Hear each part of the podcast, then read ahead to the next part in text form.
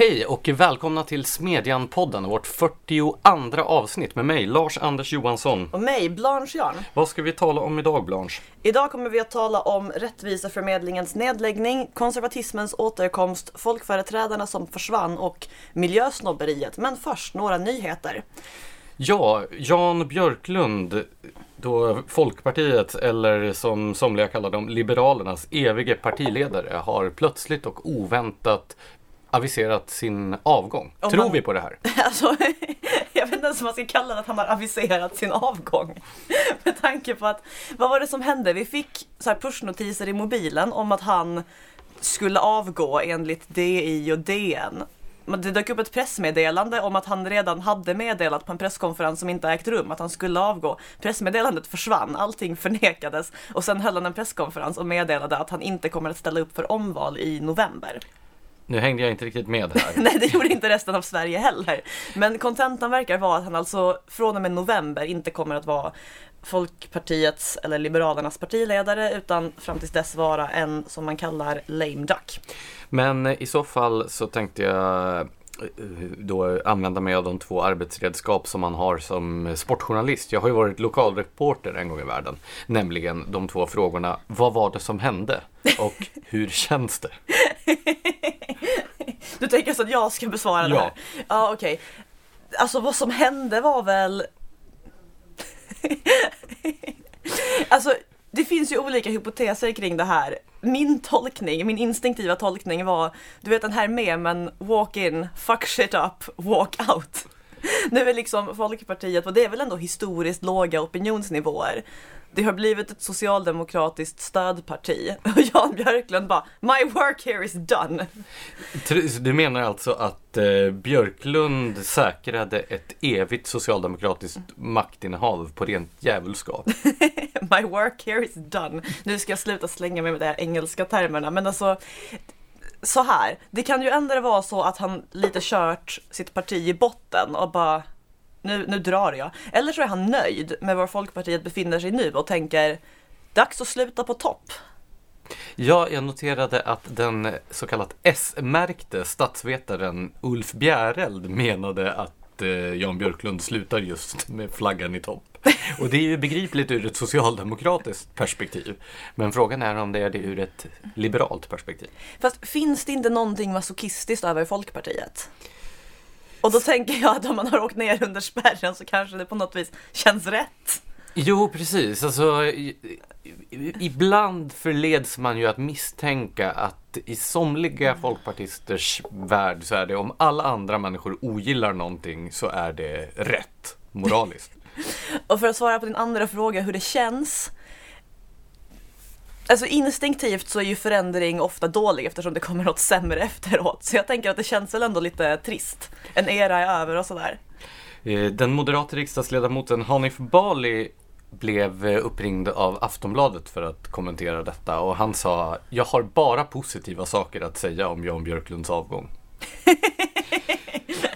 Fint. Ska vi röra oss vidare vänsterut? Författarinnan och den socialistiska debattören Kajsa Ekis Ekman har packat sina väskor och i strid med miljörörelsens rekommendationer tagit flyget till Venezuela eftersom hon är trött på den militaristiska och imperialistiska propagandan om landets utveckling som vi serveras via västerländska medier. Så nu ska hon då rapportera själv i, i första hand därifrån då. Vad har vi att säga om detta Blanche? Nej men vi är väl jätteglada och lättade att det äntligen kommer en neutral person och berättar vad som händer i Venezuela.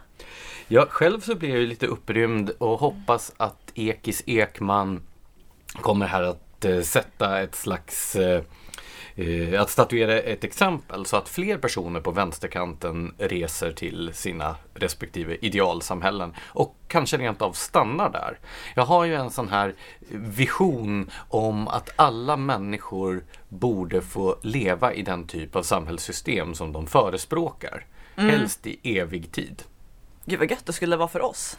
Det finns ju den här ehm, eh, socialliberala statsvetaren John Rawls har ju formulerat någonting som kallas okunnighetens slöja om att man ska konstruera ett samhälle så som att man vore nöjd med att leva i det oavsett vilken position i det samhället som man skulle hamna på. Ja, eller typ beredd att ta chansen för att chansen är så god att man hamnar på en bra position typ. Precis, och jag önskar djupt och innerligt att alla kommunister och socialister får hamna i ett sannskyldigt socialistiskt samhälle.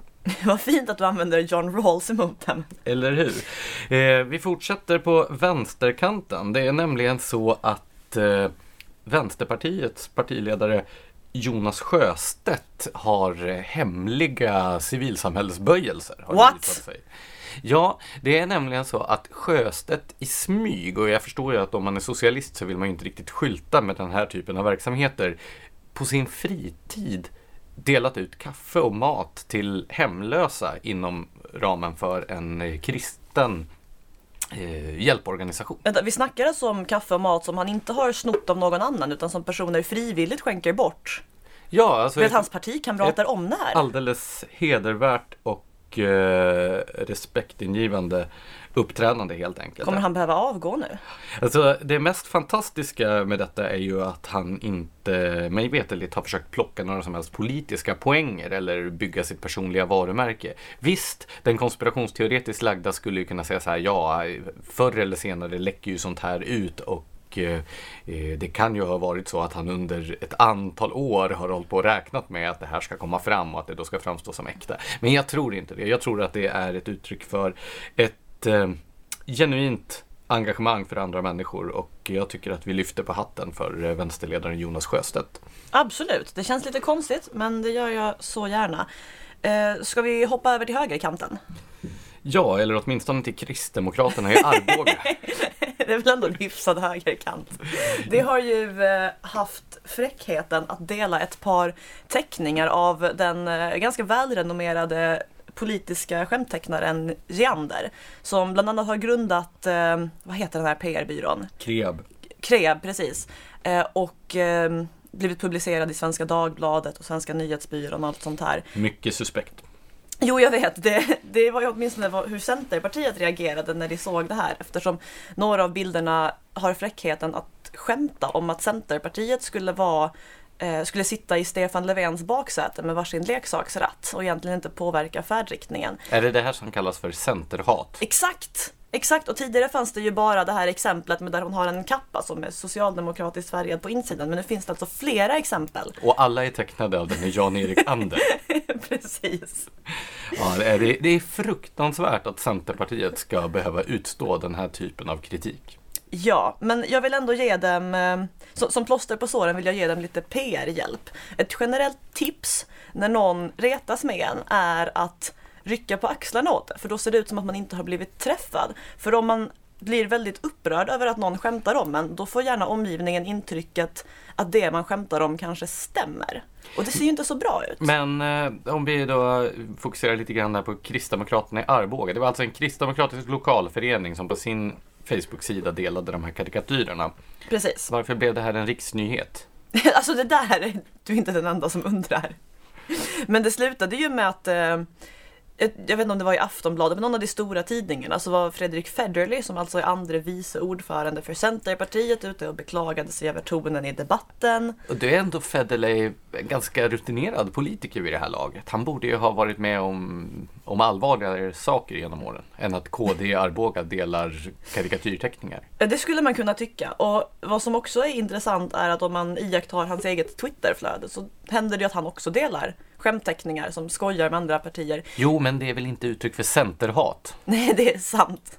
Och sen var det inte så roliga heller. Så att Ja, Ja, jag fick inte förstår. så mycket spridning. Men eh, generell rekommendation, ta inte åt er, det ser dåligt ut. Eh, Ska vi gå vidare till dagens ämnen? jag tycker vi gör det. Du skrev om Rättviseförmedlingen, denna oerhört framgångsrika lobbyorganisation som har tilldelats pris för årets lobbyist en gång i världen och, och skördat framgångar och blivit, ja de har ju gått som barn i huset på kulturdepartementet under de gångna fyra åren. Eh, men nu lägger de ner verksamheten. Jag vet, alltså jag såg det här. Det, har, det grundades 2010, det lägger ner nu, eller det lades nyss ner den första februari 2019. Och när jag såg det här pressmeddelandet så var min första instinkt att bli jätteglad eftersom det här är ändå en organisation som aktivt bekämpar alla saker jag tycker är bra, typ meritokrati och den här sortens grejer. Och sen när jag tänkt på det här i tre sekunder så insåg jag vilka dåliga nyheter det här egentligen är. För- En parentes bara, du har hänvisat till dina instinkter flera gånger under det här poddavsnittet hittills. Håller du på att förvandlas till ett djur, Blanche? Jag hade inte ens märkt att jag hänvisat till mina instinkter. Men det här är min första kopp kaffe så jag tänker att jag, jag går just nu mest på instinkt och inte så mycket på hjärna. Eh, det kanske går över snart. Ja, förlåt att jag följde i orden. Eh, varför tyckte du att det var dåliga nyheter att Rättviseförmedlingen lägger ner? De flesta på den borgerliga kanten har väl uttryckt en viss glädje och förhoppning över detta besked. Ja men så här, alltså vad de själva skrev i sitt pressmeddelande eller på sin hemsida som motiv till att de lägger ner var följande. När vi startade 2010 var det långt ifrån självklart att räkna på representation. Det är alltså deras uttryck för sätta kön före kompetens. Idag är det många aktörer som driver frågorna. Det är fantastiskt. Det behövs. Så det är dags för oss att lämna plats åt andra som kan ta kampen vidare med nya metoder. Och vad jag insåg är att så här, tyvärr stämmer ju det här förutom biten om att det är fantastiskt och behövs. Men alltså Rättviseförmedlingen startades när identitetspolitik just var på väg att bli på modet för ungefär tio år sedan. Och alltså sen dess har, jag vet inte hur mycket som man egentligen kan anklaga dem för och hur mycket som är andra aktörer och så här. Men det har ju på många sätt bidragit till att göra egenskaper som kön och hudfärg till kriterier som folk tar på allvar när de ska anställa eller utnämna eller dela ut ett pris. Och det ironiska i sammanhanget är att Lina Thomsgård beskrev Rättviseförmedlingens syfte som att ända tills kön inte längre spelar någon roll så måste vi synliggöra skevheterna. Det har ju definitivt fått kön att spela mer roll men grejen är ju att de har ju i princip gjort sig själva överflödiga. Ja, jag associerar ju till det här exemplet som jag brukar ta upp när jag försöker förklara hur vänsterhegemonin inom den offentligt finansierade kultursektorn uppstod en gång i världen. Nämligen progrörelsens uppgång och upplösning. Eh, progrörelsen uppstod ju i mitten på 60-talet eh, som ett slags eh, politisk alternativrörelse i kulturlivet och den försvann som över en natt 1975. Det vill säga omedelbart efter att den nya kulturpolitiken hade slagits fast 1974. Helt enkelt eftersom alla de här aktivisterna in, de hade ju fått jobb på de offentligt finansierade kulturinstitutionerna och då behövdes det ingen alternativrörelse längre. Jag skrev om det här i Smedjan en gång under rubriken Det är en slagorden tystnar som det är dags att börja oroa sig. Och det blev ju också så i Sverige att de här väldigt radikala 70-talsidéerna som försvann från debatten någonstans runt 1980. De började omsättas då i praktisk politik under 80-talet. Det är därför vi fick den här absurda situationen med ett slags högervind i opinionen men en massiv vänsterpolitik i praktiken. Ja, och egentligen är ju Rättviseförmedlingen en organiserad och strukturerad modern version av det här. Alltså, deras affärsidé har ju egentligen byggt på två olika saker. Dels har det jobbat med att komma med listor på personer de tycker borde ha olika toppjobb. Det vill säga vad alla lobbyorganisationer gör, bara det att det kan promenera in på kulturdepartementet till tjänstemännens jubel och bara här är personerna vi vill ha som chefer och så blir det chefer också typ.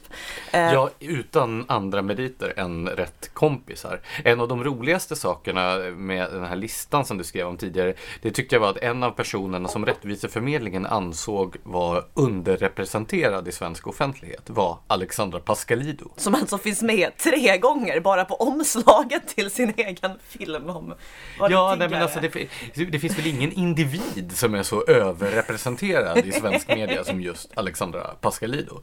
Men Nej. det ansåg, eh, henne ansåg Rättviseförmedlingen att det var angeläget att lyfta fram. Och logiken bakom det här, det är ju då att Alexandra Pascalidou anses då i egenskap av sitt kön och eh, sin etnicitet, hon är av grekiskt påbrå, eh, representera alla andra människor av samma kön och och eh, av samma påbrå. Så om Alexandra Pascalidou får ännu mer medialt utrymme, då ska du i egenskap av kvinna känna dig mer representerad och alla greker där ute ska känna sig mer representerade. Fast det finns ju dessutom en twist på det här. För grejen är att det finns ju ett antal orsaker som gör att Rättviseförmedlingen är så mycket mer populärt till vänster. Eh, en av dem är ju förstås att vi bara rekommenderar personer som är vänster, så det är en bättre karriärväg för dem. Ja, var inte det där lite lurigt? Alltså, de hade ju med på en lista över hur många personer var det? 100 personer eller något sånt där. Så hade de med en folkpartist. Mm, det här var en lista på 334 Tre... personer. Det här var listan som eh, Alice Bah Kuhnke, när hon var nybliven kulturminister, beställde av Rättviseförmedlingen. Innan dess hade hon nöjt sig med att vara ordförande för MUCF och bevilja Rättviseförmedlingen statsbidrag. Men sen gick hon över till Kulturdepartementet och steppade upp sitt game. Då är det det här hon... som kallas armslängds avstånd i kulturlivet? Exakt! Eh, och då beställde hon en lista som landade på 334 namn. Och grejen, grejen med folkpartisten, för jag, jag skrev om den här listan redan eh, när det hände, då jobbade jag på Smålandsposten och då hittade jag en massa sådana här kluster i listan som att det var så här fyra personer från samma könsseparatistiska musikläger som hängde ihop med så här något fackförbund. Alltså, ja, det här klustren. Och då kommer jag också ihåg att jag försökte kolla upp eh, partipolitisk bakgrund och jag var helt säker på att det fanns en folkpartist där någonstans för att representera högern. Eh, jag försökte titta på listan igen. Den är nu borttagen från Rättviseförmedlingens hemsida och ligger liksom inte på nätet. Men jag gick in i ett sånt här internetarkiv, som alltså en hemsida som lagrar andra hemsidor i princip. Och där hittade jag en lista, men där ett antal namn saknades. Det var inte 334 namn. Och där fanns ingen folkpartist med. Däremot så gick jag in på Rebecca Weidmo blogg där hon granskade samma lista när den kom 2015 och där nämns den här folkpartisten Maria Johansson. Vad som hänt med henne på den här listan sedan dess har jag verkligen ingen aning om. Men hon var då den som representerade höger så, så det enda borgerliga alibit hade försvunnit från listan? Precis. Eh, Men alltså det här, det här med deras affärsmodell, jag måste bara dra den för att skapa en efterfrågan för de här listorna, för de flesta vill kanske inte ha en lista från en lobbyorganisation med personer de tycker borde få alla jobb. Så för att skapa en efterfrågan har de haft en massa sidokampanjer. Typ, kommer du ihåg den här hashtag tacka nej? Ja, att folk som då var efterfrågade skulle tacka nej så att människor som inte var efterfrågade skulle kunna ta deras plats. Ja, eller det var, det var typ formulerat alltså, så här. Alltså tacka nej till att medverka i paneler eller liknande. Ja, det här var på tiden då Rättviseförmedlingen bara brydde sig om kön. Och tanken var då att om du blir tillfrågad, om du vill sitta i en panel, då ska du fråga vilket kön har de övriga panelisterna? Och om den som frågar dig då bara nämner män, då ska du bara nej, jag tackar nej till det här, men anlita gärna en kvinna. Ja, jag minns ju också när eh, Rättviseförmedlingen slog igenom och det var en massa förmenta liberaler med socialistiska reflexer som bara tyckte att det här verkar ju vara en jättebra idé. Och argumentet då var att det här var absolut förenligt med en liberal eh, grundsyn eftersom Rättviseförmedlingen inte skrev rakt ut att de ville lagstifta om könskvotering. De ville ju att myndigheter och företag och andra skulle införa den här typen av representationstänkande så att säga i smyg utan att det skulle lagfästas. Men det här är ju ett problem med en del av borgerligheten. Alltså det finns ju det i borgerligheten som inte ser värdet av något annat än lagstiftning. Så allting för den, den handlar om vad som är tillåtet i lagen och inte och det fattar inte hur stor betydelse samhällets värderingar har. För Rättviseförmedlingen, vad jag kommer på har det aldrig försökt lagstifta om någonting eller driva på för lagstiftning. Men det försöker driva igenom ett värderingsskifte. Så här, bort från meritokrati, allvarligt talat även bort från demokrati. För det här du nämnde innan eh, om att eh, jag ska anse mig representerad av Alexandra Pascalidou som ju ofta tycker den direkta motsatsen till vad jag tycker. Det är ju en direkt Alltså det är ju i direkt konflikt med den demokratiska idén att jag representeras av den jag väljer att representera, men även om det är en 80-årig gubbe. Ja, demokratin bygger ju just på detta, att vi väljer våra representanter. Och hela den här representationstanken som Rättviseförmedlingen står för utgår ifrån att vi i själva verket representeras av personer som vi inte väljer, men som vi delar fysiska egenskaper med. Ja, och alltså det här är ju ofta samma människor som hävdar att kön inte spelar någon roll, säger inget om vem man är och alla är lika kompetenta. Så här, om kön inte spelar någon roll, då kanske vi skulle kunna sluta göra kön till det viktigaste kriteriet vid anställning för typ lämplighet. Så du menar då för att sammanfatta det här att eh, Rättviseförmedlingens nedläggning inte är någonting att glädjas åt? Nej, det är ju, det är ju ett symptom på att Rättviseförmedlingens värderingar och idéer har fått genomslag och det är ju verkligen inget att fira för oss som gillar meritokrati och liksom, ja, men generella västerländska värderingar typ. Så vidare till eh, något som har återkommit medan Rättviseförmedlingen lagt ner, konservatismen.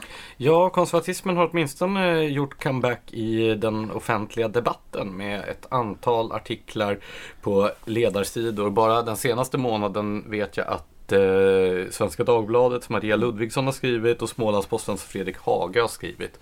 Och Eh, här på Timbro så arrangerade förlaget i veckan en eh, ideologifrukost på temat konservatism. Så att, eh, det finns ett intresse för konservatismen och eh, det här tog jag fasta på och skrev en längre essä för att reda ut en del ideologisk förvirring.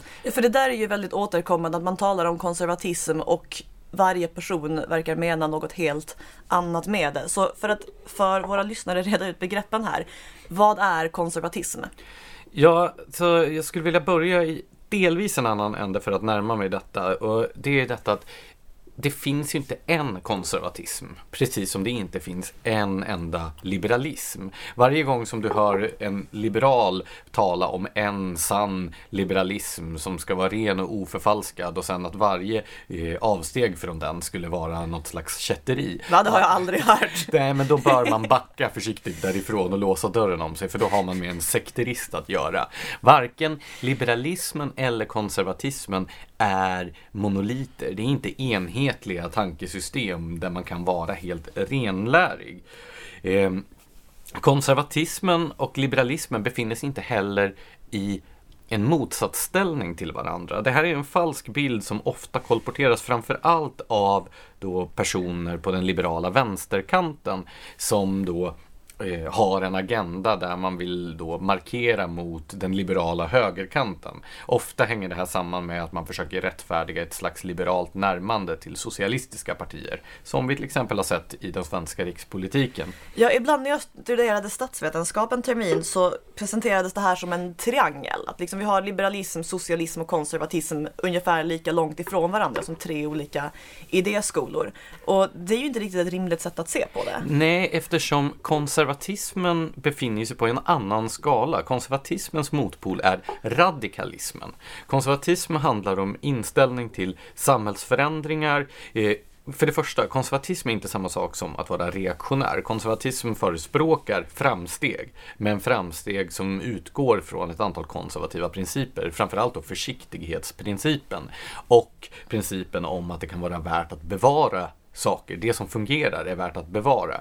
Eh, man skulle kunna säga att den grundläggande skillnaden mellan liberalism och konservatism är att liberalismen utgår från ett slags förnuftstanke ett, en idé om ett samhällskontrakt där man ska organisera ett samhälle och dess politiska institutioner utifrån vad man anser förnuftsmässigt eh, fungerar bäst. Medan konservatismen ser på samhället så som det är och identifierar det som fungerar oavsett hur det har uppkommit. Framförallt då sånt som har uppkommit genom traditioner och hävd och så vidare. Och om det är bra, då bör det bevaras och skyddas.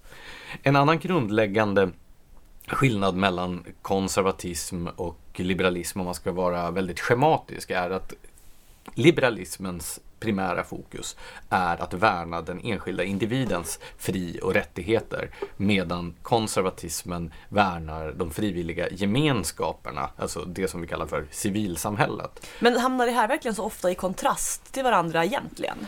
Så det beror ju på hur samhället ser ut, hur den politiska situationen i ett land ser ut. Eh, det har ju funnits perioder när liberalismen har varit en väldigt radikal ideologi eftersom det inte har varit ett liberalt samhälle. Och då har ju de konservativa befunnit sig i en motsatsställning till de radikala liberalerna. Samtidigt då under större delen av 1900-talet så har ju den politiska konflikten handlat om synen på äganderätt till exempel, synen på politikens gränser. Hur mycket ska politiken lägga sig i privatlivet? Och där har liberala och konservativa grupper haft ett gemensamt intresse av att skydda det civila samhället och den enskilda individen från politiska ingrepp och från eh, då konfiskerande av egendom egendom Och, så. och det, vi befinner ju oss fortfarande i, det, i den situationen. Men som sagt, det är två väldigt heterogena och spretande idétraditioner som ibland överlappar och ibland kompletterar varandra och ibland eh, står i direkt motsats till varandra. Man skulle kunna säga att det finns många olika liberalismer och många olika konservatismer som fungerar mer eller mindre väl tillsammans. Det är ju till exempel uppenbart att en eh, en eh, konservatism som eh, prioriterar värnandet av egendomen och eh, politikens gränser gentemot civilsamhället inte fungerar särskilt väl ihop med en progressiv socialliberalism som vill använda politikens institutioner för att styra och ställa i människors privatliv. Eller på samma sätt, det går inte så bra att förena en slags, eh, vad ska man säga, protektionistisk Eh, ekonomisk konservatism med en frihandelsvänlig klassisk marknadsliberalism heller. Så motsättningar finns, men den stora skiljelinjen går inte mellan liberalismer och konservatismer. Nej, men jag tänker på de olika konservativa undergrupper man hör om. Visst är det socialkonservativ som Sverigedemokraterna brukar betecknas. Och sen finns det nationalkonservatism som ingen riktigt betecknas men det är liksom ett begrepp som finns där och så finns det liberal konservativ. Funkar alla de här konstellationerna då? Alltså Nationalkonservativ är ju ett begrepp som används i Norge och Danmark till exempel av eh, det som man väl kan kalla för Sverigedemokraternas systerpartier. Och jag tycker väl att man kan placera Sverigedemokraterna där. Eh, även om begreppet inte förekommer i den svenska debatten. Och det beror väl på att allting som har med nationalism att göra är väldigt stigmatiserat.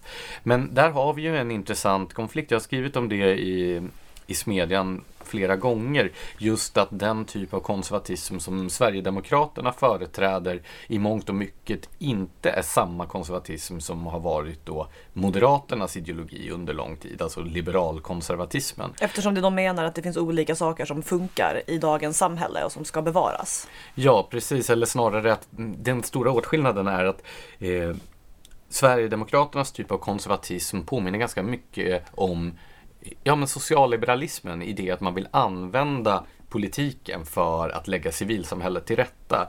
Mattias Karlsson, alltså gruppledaren i Sverigedemokraterna i riksdagen, han uttalade i somras i en intervju i Svenska Dagbladet just detta, hur han ville använda civilsamhällets institutioner för ideologiska syften. Mm, det lät på, inte jättelockande. På samma sätt som Socialdemokraterna har gjort under hela 1900-talet och som socialliberaler också har gjort. Det vill säga att man vill upplösa den här gränsen mellan politik och civilsamhälle. Och det är ju en viktig skillnad jämfört med då hur det traditionellt borgerliga sättet att se på det, det liberalkonservativa sättet att se på det har sett ut.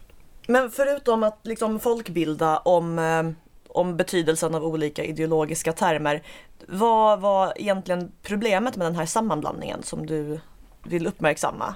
Sammanblandningen Eh, men alltså så här, missuppfattningen av vad konservatism egentligen är och hur det förhåller sig till liberalism och till socialism. Alltså, vad, vad är det för problem som uppstår när man inte har koll på de här begreppen? Eller hur används det? Alltså, om, när man försöker skapa den här konstruerade motsättningen mellan liberalism och konservatism så säger man ju egentligen att ett parti som Moderaterna, så som det sett ut traditionellt, inte kan existera. Alltså att liberal, om man påstår Moderaterna att liberal... är en social konstruktion som inte finns. Ja, nej men det, det är ju det som blir kontentan. Och jag menar, vi ser ju konservativa tendenser inom många olika typer av liberala rörelser. Inte minst då den libertarianska rörelsen, alltså den mest frihetliga delen av liberalismens stora spretande idétradition. Där ser vi ju väldigt många personer som är mer eller mindre konservativa nu. Och att då förneka att de här människorna och deras uppfattningar ens skulle skulle existera, det är ju en väldigt kontraproduktiv, ett väldigt kontraproduktivt sätt att närma sig den politiska debatten. Jo men faktiskt, alltså jag eh, jag själv är ju liksom libertarian men jag är ju samtidigt konservativ så fort jag inte pratar om politik typ. Jag känner det ändå att jag existerar trots Men det det. där är också lite grann av en eh, av en eh, falsk dikotomi, att det skulle vara så att man är konservativ i privatlivet och liberal i politiken. Maria Ludvigsson skrev ju om det, att eh, lämna konservatismen hemma borgare, där hon försökte göra den typen av distinktion. Men om man tittar på liksom hur den anglosaxiska eller frihetliga konservatismen har sett ut under eh, 1900-talet. Så alltså, många av de principer som till exempel Russell Kirk formulerar som, eh, för att beskriva konservativt tänkande passar ju alldeles utmärkt inom politiken även från ett liberalt perspektiv. Jag förstår inte varför liberaler skulle lämna försiktighetsprincipen hemma från politiken. Försiktighetsprincipen är väl en utmärkt princip just i politiken. Snarare kanske man skulle kunna säga att det är bättre att vara lite eh, mer, eh, lite mer eh, liberal i sitt privatliv men lite försiktigare när man ska styra och ställa över andra människor. Generellt sett brukar det ju vara det ena eller det andra. Alltså det som är mest frihetliga politiskt är ofta mer konservativa i hur de lever. Och det som är mest Men nu konservativa... gör, nu gör du ju det här misstaget att säga att frihetlighet och konservatism skulle stå i motsats till varandra. Nej, det gör jag inte. Jag använder det här som exempel på att det här är liksom två, så att säga, impulser som kan samexistera alldeles utmärkt. Ja, precis. Alltså, det är ju sådär. Ta till exempel eh, hur man förhåller sig till sin privatekonomi. Att, vara, att tillämpa försiktighetsprincipen i förhållande till sina egna pengar är ju ganska klokt. Och att tillämpa samma princip i förhållande då till statsbudgeten är ju också ganska klokt. Så att, att göra den där åtskillnaden om att när jag är när jag är eh, hemma då är jag konservativ och sen när jag går och röstar då är jag, då är jag oförsiktig. Nej, men vad jag menar är mer att ibland, det finns ju delar av, eh, av den svenska staten som jag inte skulle vilja försiktigt göra mig av med ett steg i taget utan bara stryka över och ta bort. Det är ju inte en så konservativ instinkt. Ja, fast skulle du vilja att det skedde över en natt utan att eh, man hade förutsett konsekvenserna av det? Alltså, där är ju avregleringar och den typen av saker som liberalkonservativa förespråkar bör ju ändå genomföras på ett klokt sätt. Jag menar, eh, franska revolutionen är väl ett utmärkt exempel på där man inte tillämpade försiktighetsprincipen. Jag vill här vara tydlig med att jag inte vill giljotinera någon. Nej, men det är just det där. Alltså, eh, konservativa tror ju på framåtskridande som präglas just av eftertanke och försiktighet. Medan radikaler, de ser förändringen som det viktigaste och försiktigheten är inte lika noga där. Men för att bli lite så här hypotetisk eller teoretisk och ideologisk. Det finns ju delar av staten i hur den är uppbyggd som aktivt skadar människor och då finns det en intressekonflikt mellan att omedelbart sluta upprätthålla ett system som skadar människor men också att i praktiken försiktigt ta bort det efterhand. Så om vi säger så här, om eh, en politisk reform sannolikt leder till att det bryter ut inbördeskrig så skulle ju en konservativ inte säga att ja, men det här är principiellt viktigt att vi gör detta över en natt och därför är det värt att vi offrar hundratusentals människor i ett inbördeskrig. Nej, en sån avvägning skulle jag kanske också Ja. landa i att låta bli inbördeskriget men, men du förstår ändå Det poängen handlar att ju om att göra en kons- eh, konsekvensanalys. Att även om man har ett mål så kanske man måste göra det i steg som inte gör större skada än, än nytta. Eh, en annan då central idé inom konservatismen är ju den som eh, Hans Zetterberg, en av de svenska tänkare som kanske fram, främst av alla personifierar just det liberalkonservativa sättet att tänka, eh, formulerade, nämligen detta med att samhället består av olika sfärer som fungerar enligt olika logik. Och att de här sfärerna, man kan inte ta logiken från en sfär och tillämpa på en annan. Han identifierar då eh, politiken, ekonomin, vetenskapen, religionen, moralen och konsten. Och man kan till exempel inte ta politikens logik och tillämpa på eh, religionen eller eh, ekonomins logik och tillämpa på konsten. Du får inte Eh, nödvändigtvis bättre konst bara för att du tillämpar principen om, ut, om tillgång och efterfrågan. Nej, alltså den enda invändningen jag har där är ju att man kan få en bättre förståelse för politiken om man tar ekonomins logik och använder den, alltså tillämpar den på politiken, alltså public choice-skolan. Att tänka på vad en politiker har för egen intresse av att genomföra vissa reformer eller ja, men helt enkelt sitta kvar vid makten. Landar det ju oftast i. Så det finns ju ibland ett värde i att kunna iaktta en sfär utifrån förutsättningarna i en annan sfär. Åtminstone ja, just det fallet. Ja, naturligtvis är det så. Men jag tror att Hans Zetterberg skulle invända där att eh, man måste förstå att medborgare och väljare inte agerar på samma premisser som till exempel kunder gör på en marknad. Nej, absolut inte. Eh, en annan förvirrande aspekt av detta är ju att konservativ, särskilt i Sverige, har använts mer eller mindre som ett skällsord för att beteckna sånt som man tycker allmänt illa om, framförallt då om man är socialist eller vänsterliberal. Och eh, inte minst har det här förekommit i migrationsdebatten där personer som har förespråkat en restriktiv migrationspolitik av sådana som har eh, förespråkat en mindre restriktiv migrationspolitik har blivit stämplade som eh, som just konservativa. Och det här har ju skapat en enorm begreppsförvirring. Till exempel då när eh, vänsterskribenten Mattias Hagberg stämplade socialliberala ledarsidor som till exempel Expressens som konservativa. Bara för att de såg en målkonflikt mellan den stora välfärdsstat som de då på sant socialliberalt maner förespråkar och en stor invandring. Vänta, kan man alltså säga att konservatism håller på att bli den nya nyliberalismen. Ingen fattar riktigt vad det är, få kan definiera det men man stämplar det på allting man tycker illa om. Alltså, det roliga är att konservatism var ju det begrepp som användes innan begreppet nyliberal kom in i den svenska debatten.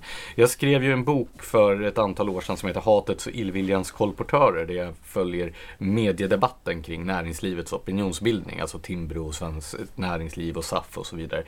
Och där kunde jag konstatera att under 70-talet så var det konservativ som användes för att stämpla just det åsiktskomplex som sen under 80-talet kom att börja beskrivas som nyliberalism. Det, man kan säga så här att på 70-talet så såg den liksom politiska begreppsskalan ut så här att om du var socialist då ville du ha en stor stat och, och höga skatter. Om du var liberal, då ville du ha en halvstor stat och halvhöga skatter. Och om du var konservativ, då ville du ha en liten stat och låga skatter. Och sen så på 80-talet så var det exakt samma skala, bara det att då var det socialist, liberal och eh, nyliberal. och nyliberal istället. Så att man bara bytte namn från konservativ till nyliberal. Och det här säger ju två olika saker. Dels att begreppet liberal under större delen av 1900-talet i Sverige framförallt har använts för att beskriva socialliberalism, inte den klassiska liberalismen.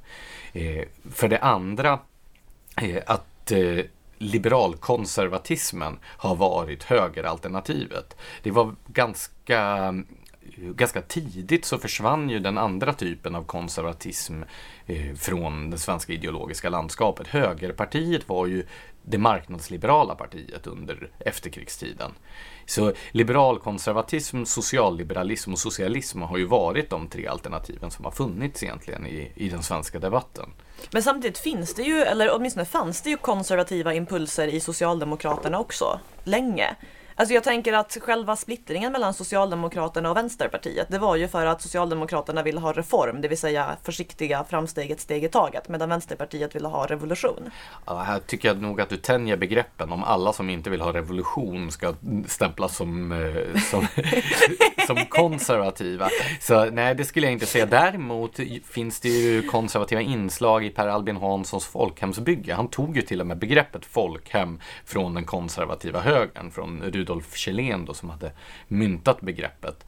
Så eh, där från 30-talet och framåt fanns det ju en sån, men Socialdemokraterna har hela tiden varit ett progressivt, eh, ett progressivt projekt. Och den konservativa hållningen gentemot det progressiva projektet har ju varit att försöka göra någon slags ideologiskt motstånd och rulla tillbaka politikens försök att peta i i privatlivet och civilsamhället. Och här måste jag säga att i panelsamtalet som Timbro ordnade i veckan om konservatism så tyckte jag att eh, Torbjörn Nilsson från Expressen hade en väldigt märklig definition av konservatism. En sån här att eh, konservatism skulle utgöras av någon slags allmänt motstånd mot förändring och att eftersom Socialdemokraterna har präglat svensk politik under så lång tid så skulle det vara konservativt då att stå upp för en socialdemokratisk politik. Wait what? Han menade ju till exempel att de nya moderaterna under Fredrik Reinfeldt hade varit konservativa eftersom de då inte ville eh, ta strid mot eh, socialdemokratisk arbetsmarknadslagstiftning och sådär. Men och du det, sa att jag tänjde på begreppen.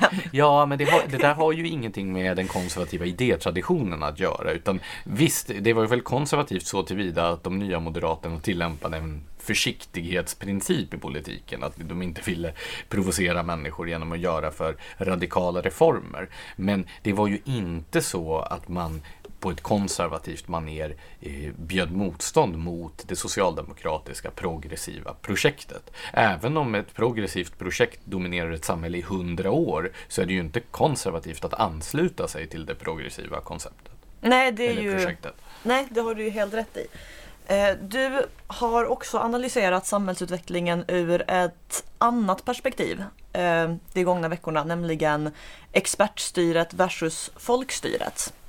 Ja, eh, den här debatten om politiker ska i första hand vara Eh, folkföreträdare eller om de bör vara experter på sina sakområden. Det är ju någonting som går tillbaka egentligen till, till, eh, till gamla Grekland, till, till Platon och hans idéer om staten. Och eh, det jag tycker att man kan skönja nu är fler och fler rop just på Eh, Eh, på expertstyre, inte minst från de politiska och mediala eliterna. Eh, det, det, det, brukar väl bli så när man tycker att folket röstar fel. Då, då vill man slippa populasen och få ett slags expertstyre istället. Men eh, vi har ju också fått, sett en professionalisering av politiken som komplicerar hela det här eh, eftersom det inte längre är en motsättning bara mellan experter som företräder olika branschintressen och så vidare och folkföreträdare, det vill säga glada amatörer som företräder gemene man. Utan vi har också fått en professionell politikerklass som egentligen mest företräder sig själva. Ja, alltså som jag ser det så är det, alltså det här expertstyre eller folkstyre har liksom blivit en teoretisk konstruktion. För tittar man på det i praktiken så har vi karriärpolitiker som är ja, men lite som en egen klass men som inte företräder varken några experter eller något folk. Ehm, det kom en bok för några år sedan som hette Broilers och just nu så försvinner författarnas namn ur mitt huvud men det beskrev det här hur unga politiker idag i princip växer upp i ett parti. Det är, det är deras sociala liv och det är deras sammanhang och deras självklara karriärväg och varje gång någon relativt ung politiker måste avgå på grund av någon grej då tänker man ju så här stackars människa som har dedikerat hela, sitt, liksom, hela sin tid från högstadiet till nu åt det här partiet. Vad, hur ska den kunna få ett jobb liksom? Ja, och konsekvenserna av det här kan vi ju se på olika sätt. Alltså, dels så skrev Per Dahl en längre text i Smedjan nyligen om hur de folkvalda har börjat mer eller mindre identifiera sig med sina förvaltningar, med alltså själva eh, de politiska institutionerna snarare än med de väljare som företräder dem, att det här börjar bli ett demokratiskt problem. Sen har vi ju då Uvell som vi alltid gör reklam för. Hans Marcus Uvell den här Marcus gången. Uvell, eh, som hans bok Bakslaget som ju beskriver den här åsiktsklyftan mellan väljare och eh, valda som en konsekvens av poli politikens professionalisering. Och sen tänkte jag också att vi kan göra reklam för Bengt Erikssons bok eh, Den härskande klassen som både mm. beskriver hur den här professionaliseringen har gått till och och dess konsekvenser. En mycket läsvärd bok som kom här om året. Men jag tänker på detta, om vi återgår till själva grundfrågan, där med Alltså inte med professionaliseringen av politiken utan om politiker ska vara experter eller folkföreträdare. Där är det ju lite olika uppfattningar beroende på vilka eh, ministrar vi talar om, om det är statsråden vi talar om då. Eh, till exempel så brukar kulturministrar få kritik för att de har för lite erfarenhet från kultursektorn. Till exempel har Amanda Lind nu som utsågs nyligen fått den typen av kritik, att hon inte kommer från kultursektorn. Men om man ser henne som en folkföreträdare, då borde det ju egentligen vara meriterande att inte vara professionell kulturutövare. Eftersom... Utan en representant för alla andra som ja, betalar precis. för kulturutövarna. För det har ju till exempel ansetts länge att en, eh, en bonde ska inte vara jordbruksminister eftersom eh, man då kan ana att det föreligger någon slags jäv situation. Att den här ministern kommer att företräda en bransch snarare än hela samhällets intressen. Och samma princip, ja men så resonerar man ju eh, vad gäller försvarsministrar att eh, de väpnade styrkorna ska vara under civil kontroll och därför ska det inte vara en militär som är försvarsminister. Däremot driver man ju med justitieministrar som inte är jurister för vad kan det egentligen om juridik typ? Ja, som om, eh, som om inte juridiken borde vara under civil kontroll. Nej men det är ju klart att det, det är väl bra om om eh, de här ministrarna omger sig med kompetent personal. Statssekreterare på olika departement bör ju rimligen komma från de sektorer som de har att hantera. Det är bra om försvarsministern är civil men eh, statssekreteraren är, har militär bakgrund. Ja, det finns ju en hel armé av politiskt sakkunniga i det politiska systemet. Alltså, massor av folkvalda har ju personer anställda för att ha koll på vad de bestämmer över. Och det var ju så här med facit i hand, kanske inte helt lyckat då, nu är jag tillbaka på kulturministerposten, att rekrytera Ungdomsstyrelsens generaldirektör som kulturminister. Så jag har väl lite mer förhoppningar om Amanda Lind som glad amatör. Fast du har gjort det här förut, att du har förhoppningar om en kulturminister och sen så blir det som det blir. Ja, ja, jag är alltid för optimistisk. Det har jag alltid sagt. Så eh, du har skrivit om någonting som du kallar för miljösnobberiet med anledning av de här influencersarna som skrev, eller hur? Ja, eller jag vet inte ens om jag kanske till och med tog bort den termen för att jag tyckte den lät lite för harsh. Men ja, det är Vilken ju ett miljö... Just miljösnobberiet. Jaha. Men det är ju en korrekt term. Alltså det finns någonting, jag tänker såklart på den här debattartikeln, apropå så personer som tycker att folket röstar fel och vill ha någon som Influencers, kan vi, kan vi bara först, eh, det var 87 influencers som hade skrivit under en debattartikel om att Stefan Löfven borde hockeytackla hela svenska folket. Tvinga ja. oss till underkastelse. Och alltså en influencer är då, jag försökte komma på en svensk översättning av det här. Eh, vad jag får intrycket av att det är, är vad man kan sammanfatta i termen sociala mediekändisar. Alltså folk som hänger mycket på Instagram och läser bloggar och så vet ofta vem det är. Jag kände knappt igen några namn i den här listan däremot av inflytelserika personer.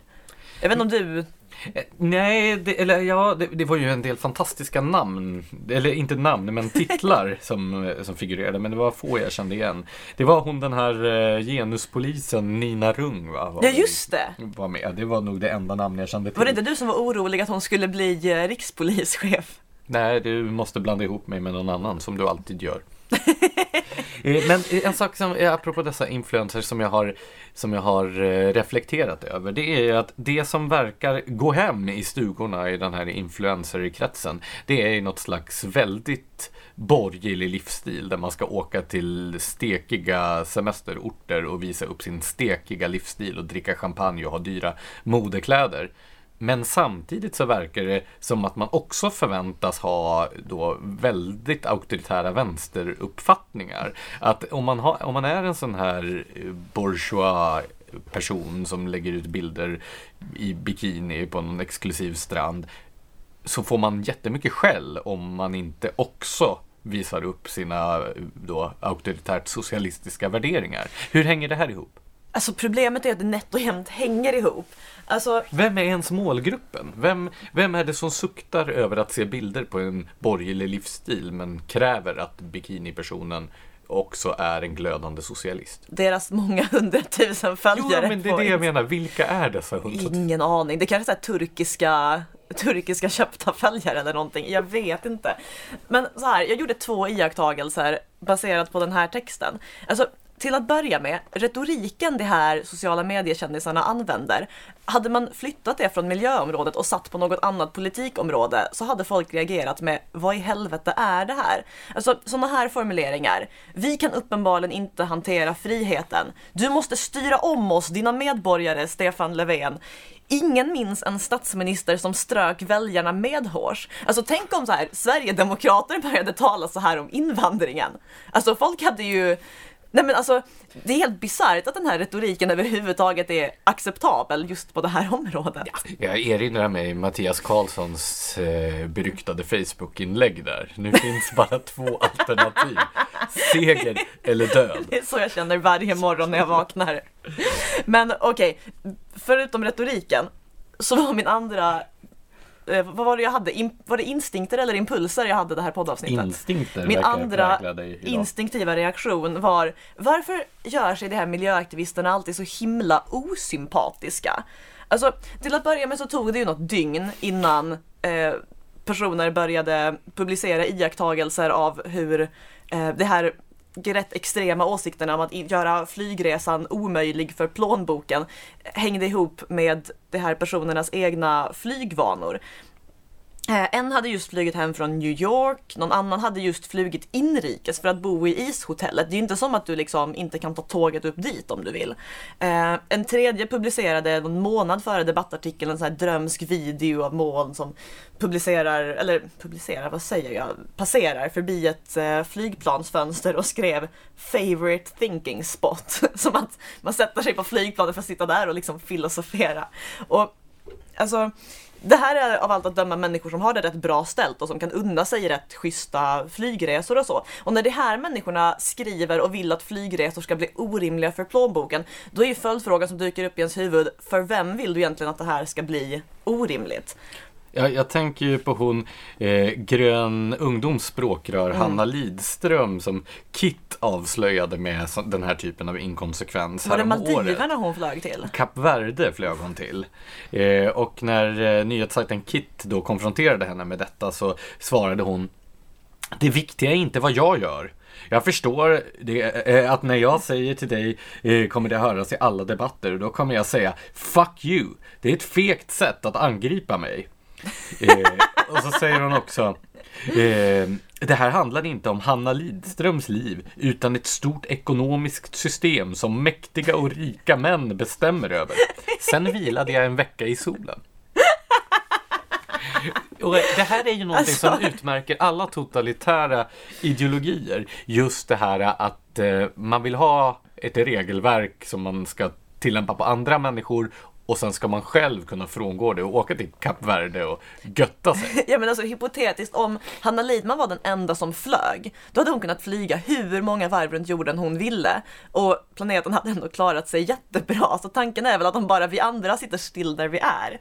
Jag tänker även på före detta infrastrukturministern Anna Johansson, eh, socialdemokrat, som för ett par år sedan Eh, i en intervju i Dagens Industri beklagade sig över att bensinen var för billig. Alltså det sitter ett statsråd som jag antar har tillgång till en tjänstebil och som tjänar sexsiffrigt i månaden och bara för många har råd att åka bil typ. Alltså det där, det där är så extremt osympatiskt. Det här att man vill gärna kunna ha det bra själv men liksom kapa bort den fattigare hälften av befolkningen från det här privilegiet att kunna flyga eller åka bil eller Jo, men jag tänkte det bra. på det. Jag var i eh, Paris nu i, eh, jag flög dit och hem i, i, förra veckan. Har du reflekterat över ditt, ditt miljöavtryck? Jag håller på just nu.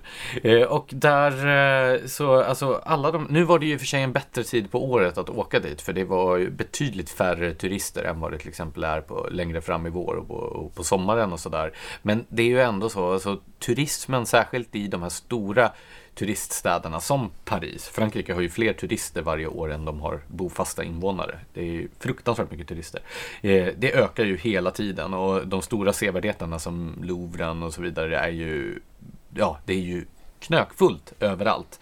Eh, när jag för några år sedan besåg Mona Lisa så var det ju väldigt svårt att se Mona Lisa för att det var så otroligt många japaner och kineser framför som skulle ta selfies framför den här. Mm, jag hade samma upplevelse när jag försökte se den här Rosetta-stenen i London.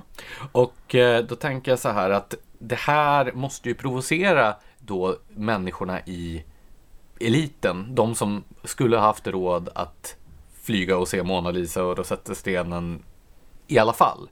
Eftersom Det står en massa pöbel i vägen och blockerar utsikten. Eh, Jag menar, eh, en gång i världen, det räcker med att titta på till exempel eh, Mad Men, den här tv-serien om reklambyråfolk i New York på 60-talet, så förstår man ju hur glamoröst flygresande betraktades in på 60-talet.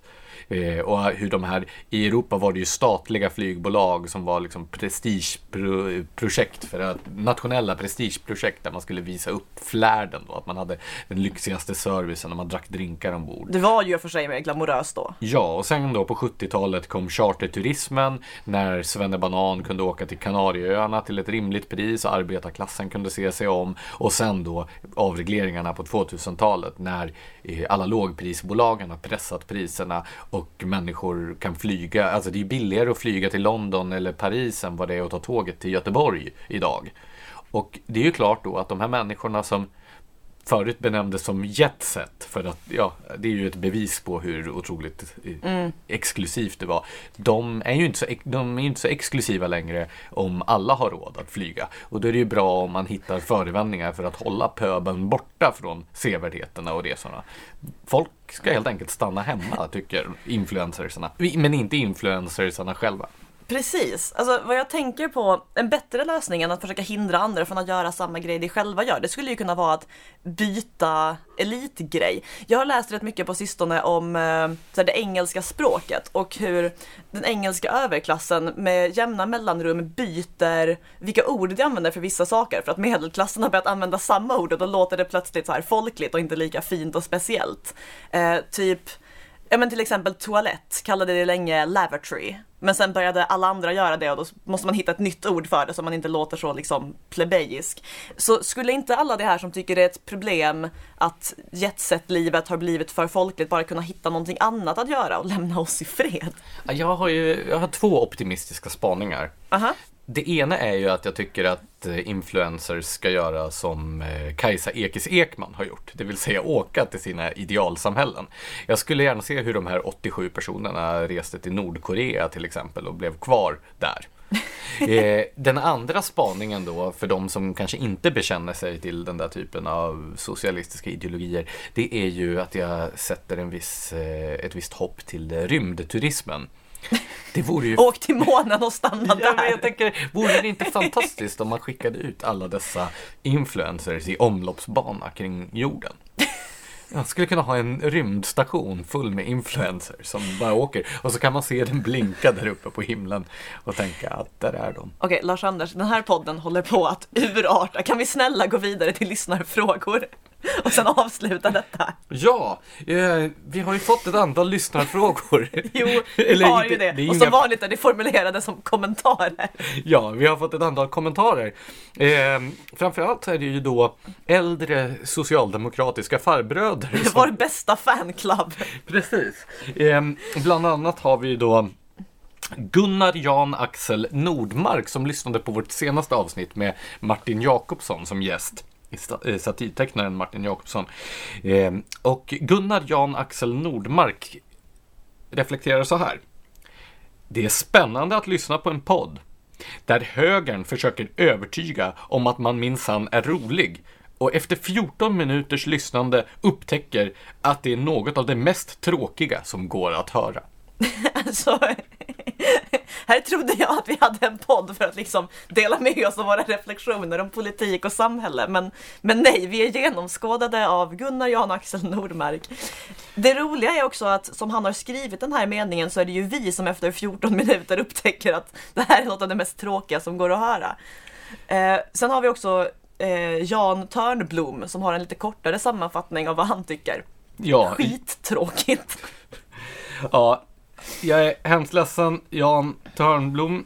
Man kan inte nå ut till alla och eh, vi har inte lyckats övertyga dig om den här podden. Eller ens få dig att skratta. Nej. Eh, vissa har helt enkelt högre ställda krav än andra.